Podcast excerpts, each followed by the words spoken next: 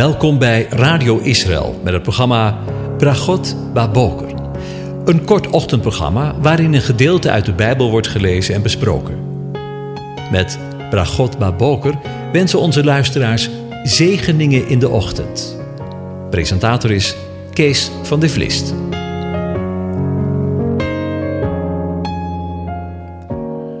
Goedemorgen, Bokatov, beste luisteraars. Vanmorgen denken we weer verder na over Psalm 104. En we lezen de eerste 18 versen met elkaar. Loof de Heere mijn ziel, Heere mijn God, u bent zeer groot. U bent met majesteit en glorie bekleed. Hij hult zich in het licht als in een mantel. Hij spant de hemel als een tentkleed. Hij maakt de zoldering van zijn hemelzalen op de water. Hij maakt van de wolken zijn wagen. Hij wandelt op de vleugels van de wind. Hij maakt van zijn engelen tot hulpvaardige geesten zijn dienaren tot een vlammend vuur. Hij heeft de aardige grondvest op zijn fundamenten. Die zal voor eeuwig en altijd niet wankelen. U had hem met waterovervloed, met watervloed, als met een gewaad bedekt. Het water stond boven de bergen.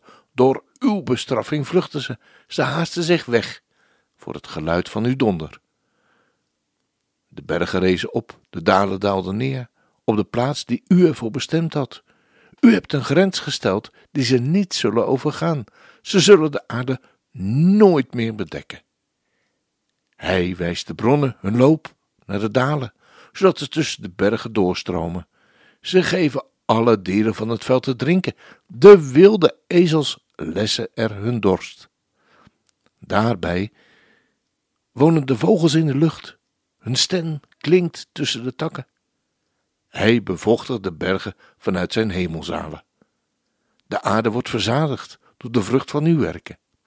Hij doet het gras groeien voor de dieren, het gewas ten dienste van de mensen. Hij brengt voedsel uit de aarde voort, wijn die het hart van de sterveling verblijdt, olie die zijn gezicht doet glanzen en brood dat het hart van de sterveling versterkt. De bomen van de Heere worden verzadigd, de ceders van de Libanon die hij geplant heeft. Daar nestelen de vogeltjes. De cipressen zijn het huis voor de ooievaar. De hoge bergen zijn voor de steenbokken. En de rotsen zijn een toevluchtsoord voor de klipdossen. Tot zover. Over Gods zorg voor zijn schepping gesproken. In de laatst gelezen verse hebben we zojuist gelezen over Gods zorg voor zijn schepping. En die zorg wordt in de tijd waarin wij leven gedeeld door velen. De klimaatclubs die komen op als paddenstoelen uit de grond. En natuurlijk is het meer dan goed wanneer we als goede rentmeesters met de door God gegeven en geschapen wereld en aarde omgaan. Maar laten we niet denken dat wij mensen de aarde wel eens zullen gaan redden. Want uiteindelijk heeft Hij het laatste woord. Hij zorgt voor zijn schepping. Het verslag in Genesis, zoals in de voorlaatste verse met elkaar overdacht, gaat abrupt verder vanaf het verschijnen van het droge land om te spreken van de vegetatie die het bedekt. Maar een dichter, vooral een Oosterse dichter, denkt eerst aan de bronnen en de rivieren, waarvan de vruchtbaarheid en het leven afhankelijk zijn. En zijn sympathie voor de natuur is zo groot dat hij zich, zonder acht te slaan op het oorspronkelijke verslag, onmiddellijk naar mensen zijn wereld met schepselen haast om de vreugde van de schepper in haar schoonheid en goedheid te delen. De bronnen, waarbij we aan de regenwolken kunnen denken, worden door God bestuurd. De wereld spreekt de laatste decennia over klimaatdoelstellingen. Hoort u het? Klimaatdoelstellingen. Wij, de mensen, spreken over klimaatdoelstellingen en hoe wij het klimaat kunnen beïnvloeden. We hebben allerlei verklaringen waarom het klimaat zich op een bepaalde manier gedraagt. Waarom er overstromingen zijn en waarom er zoveel bosbranden over deze wereld razen. Aan verklaringen geen gebrek. Toch? Maar Job, u weet wel, de man die duizenden jaren geleden leefde, wist al beter. Luister maar eens naar zijn woorden. Uit zijn kamer komt de wervelwind. En van de verstrooide winden komt de kou. Door de adem van God geeft hij ijs, zodat de brede wateren verstijven. Ook maakt hij de wolken zwaar van vocht. Hij spreidt de wolk van zijn licht uit. Die gaat naar zijn wijze raad alle kanten uit, om te doen alles wat hij hun gebiedt. Op het oppervlak van de wereld, op de aarde. Hij bepaalt ze.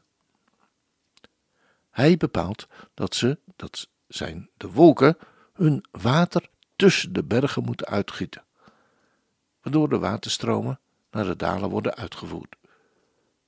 Het gaat om de droge rivierbeddingen, de wadis. Als het regent, stromen ze vol en vormen ze rivieren die tussen de bergen doorstromen. De waterbronnen zijn de plaatsen waar het water van de wadis bij elkaar komen. En hoewel de wateren samenvloeien in zeeën, heeft God ervoor gezorgd dat de aarde niet droog, uitgedroogd en onvruchtbaar zal zijn. Hij heeft voorzieningen getroffen om het water te geven op de wijze en op de wijze manier door bronnen te vormen tussen valleien en heuvels. Het is nu de geweldige natuur die voor het oog van de schrijver van de psalm komt. En dit alles herleidt hij tot het feit dat de aarde bewaterd is. Hij leidt het water van de grote stuwmeren, meren en zeeën, zodat ze bronnen vormen in de valleien. De manier waarop dit gebeurt is natuurlijk een groot wonder als we erbij stilstaan. Want door de warmte in de natuur worden de oceanen verwarmd. En in tegenstelling tot de natuurlijke wet van de zaadkracht, in deelt, kleine deeltjes worden opgetild in damp en door de wolken gedragen waar ze nodig zijn. Vallen de druppels op de aarde om de planten water te geven en om fonteinen, beekjes en stromen te vormen, en zo naar de hoogste bergen gebracht, om door de grond te worden gefilterd om bronnen en meren te vormen. Is het niet wonderlijk? Wie heeft het allemaal zo kunnen bedenken? Inderdaad, zoals we het in de inleiding al zeiden, over Gods zorg voor zijn schepping gesproken. Als dat geen zegen is. Als een hert dat verlangt naar water.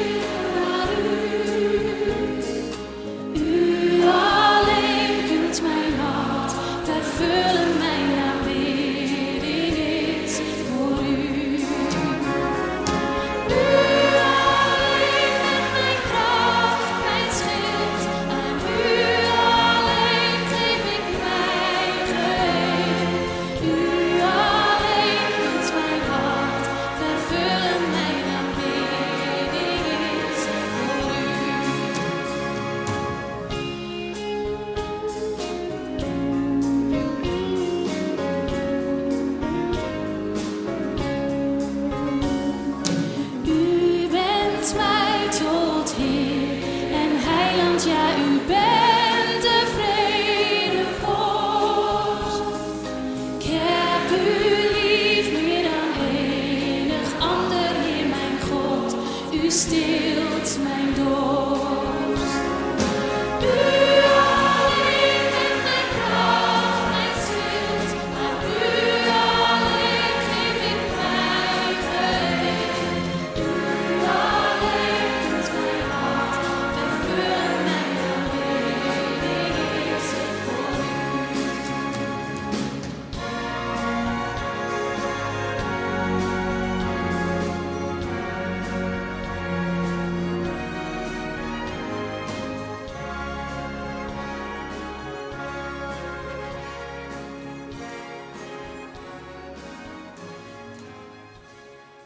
Ja, dan zijn we daarmee weer aan het einde van deze uitzending gekomen en wens ik u God zegen toe.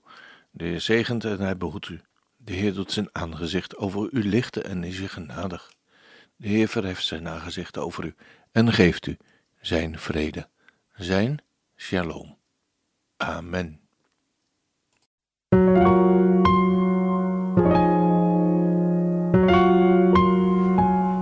U hebt geluisterd naar het programma Bragot Baboker.